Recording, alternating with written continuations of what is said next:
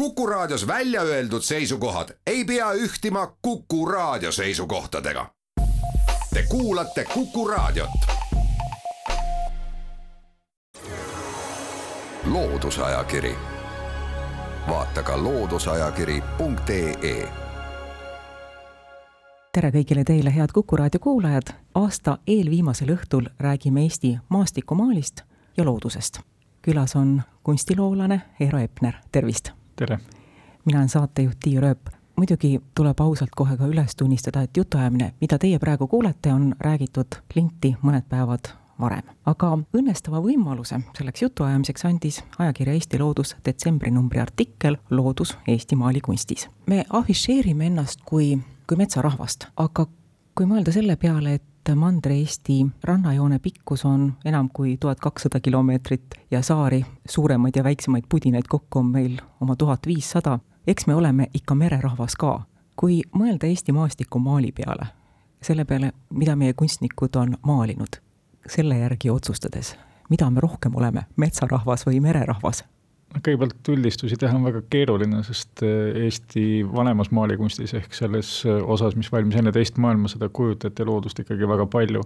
on kümneid, sadu, kui mitte tuhandeid maale ja neid kõiki paari märksõnaga kokku võtta oleks väga vägivaldne ja ülekohtune. aga mulle tundub, et pigem eh, maaliti maaliti mitte niivõrd merd ja mereäärt, kuigi ka seda maaliti ja eriti kolmekümnendatel aastatel rohkemgi, vaid maaliti jah, pigem sisemaad, seal mitte tingimata metsa sellises mõttes, et mets oleks olnud äh, teatud stiihiana esiplaanil, vaid maastikku, kus oli nii mets, olid järved, olid mäed, ehk sellist panoraamsemat vaadet pigem. ja selle põhjuseks võib olla kunstnike enda päritolu, sellepärast et seal sajandi alguses näiteks autorid, kes asusid tööle, olid sündinud peamiselt ikkagi sisemaal, see oli neile tuttav, tuttav kant, see neile meeldis, mis samas ei tähenda, et nad ei oleks huvi tundnud ka mere ääre vastu, kõige parem näide võib-olla Konrad Mägi, kes sündis Tartu lähedal, aga õnnestus tal kahel suvel olla Saaremaal, Vilsandil, siis ta maalis sedavõrd kirglikult, et mõnede arvates see oli tema kõige parem loomeperiood. ja Hellenurme vaateid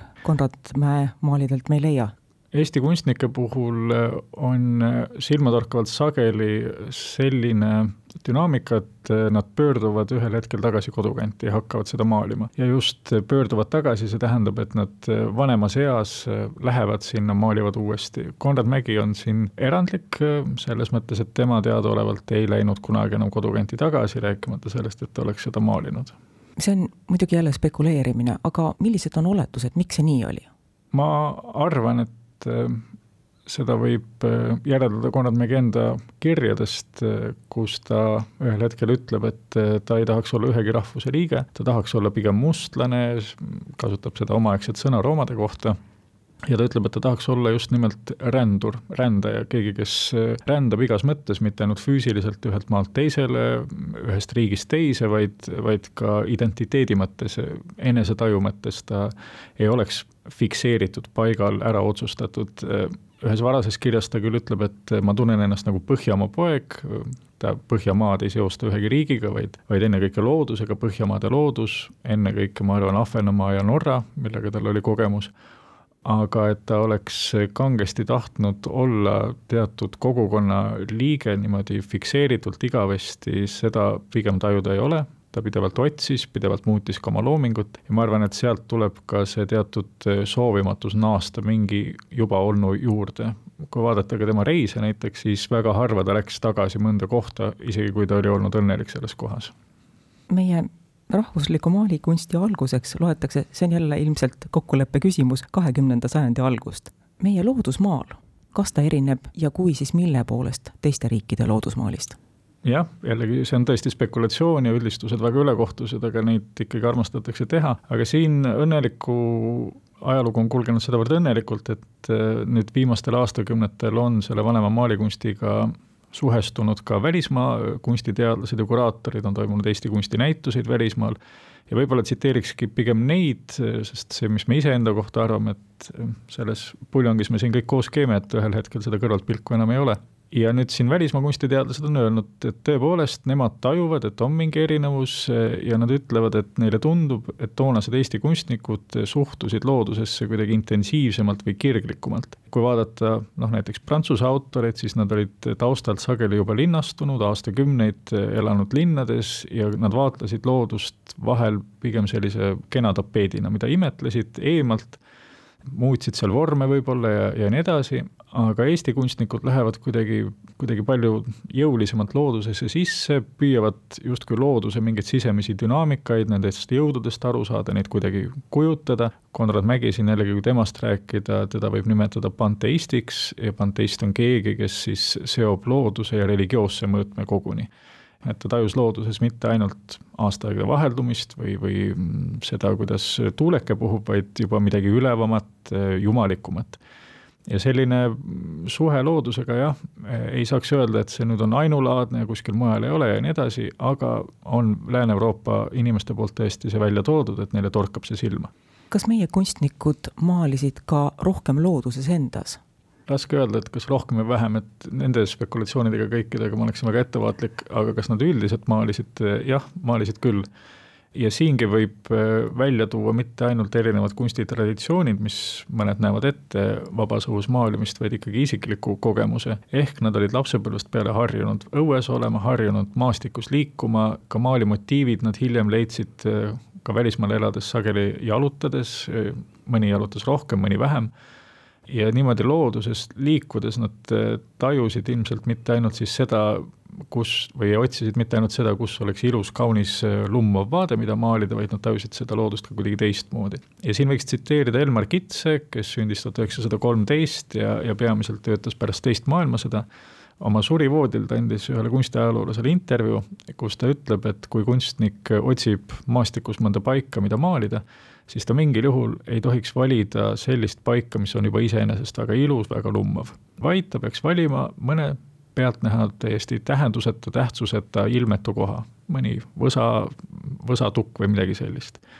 Ja miks ta sellise soovituse annab, sellepärast et kui kunstnik hakkab siis seda pealtnäha ilmetut kujutama, siis tema ülesandeks on niivõrd huvitavalt, paeluvalt maalida, kasutada värve, kasutada pintslikerja, kompositsiooni. Et kui me lõpuks vaatame seda maali, siis me ei imetleks, mida, millist imelist vaadet kunstnik on kujutanud, sellist klišeelikku, ma ei tea, hobune ratsutab udu sisse, vaid me imetleks seda, kuidas kunstnik on maalinud, et me imetleks ikkagi kunstiteost, mitte seda, millest kunstiteos siis jutustab. Nüüd ma pakun järgmise üldistuse ja üsna lahmiva välja. kas teist maailmasõda võib, seda ajaperioodi võib lugeda omamoodi veelahkmeks Eesti loodusmaalis? mitte ainult Eesti Eesti loodusmaalis, vaid üleüldse see oli ikkagi väga suur veelahe. kõigepealt see sõjaperiood ise juba erines, see on väga spekulatiivne, teiselt poolt ma jääks selle spekulatsiooni juurde üpris kindlalt, et Teise maailmasõja ajal Eesti kunstnike teosed, ka siis, kui nad loodust kujutasid, muutusid eriliselt helgeks, harmo-, harmooniliseks, kas just rõõmsaks, aga selliseks kirkaks, palju valgust on nendes töödes ja nii edasi motiivid on idüllilised, inimesed joovad teed parginukkades ja, ja nii edasi.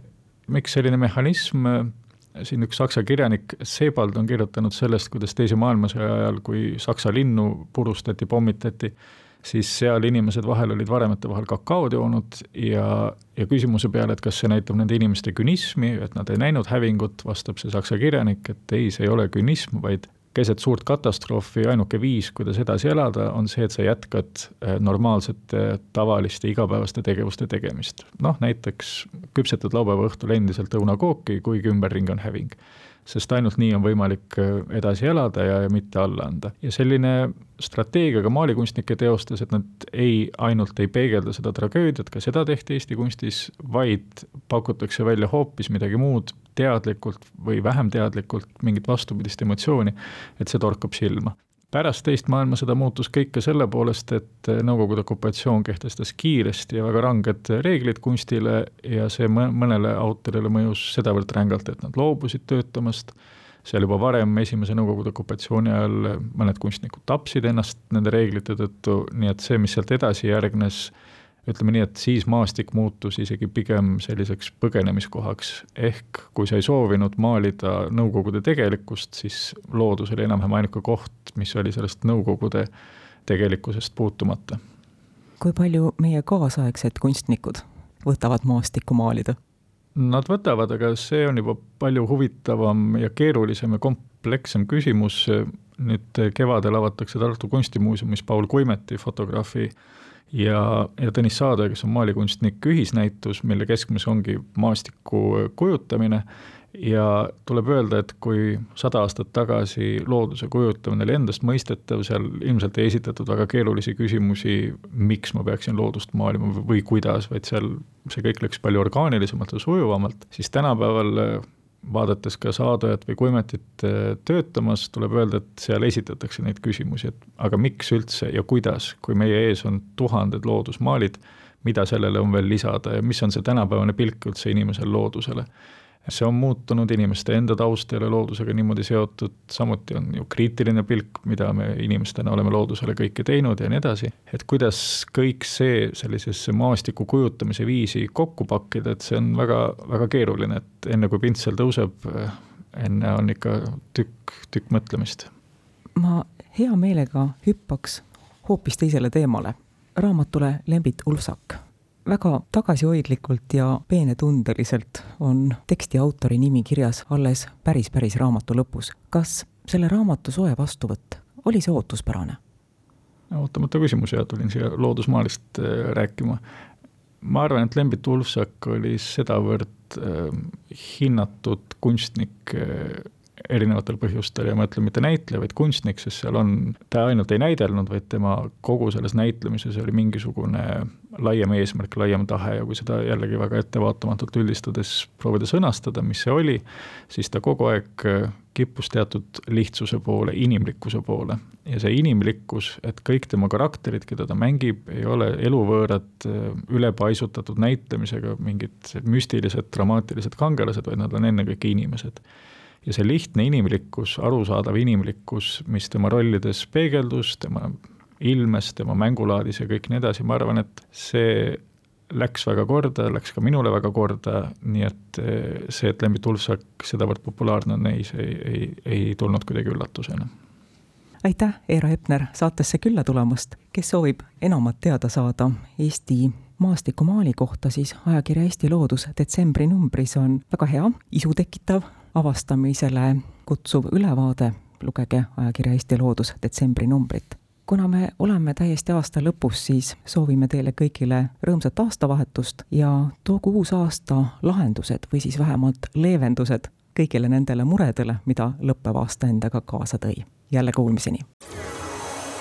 loodusajakiri, vaata ka looduseajakiri.ee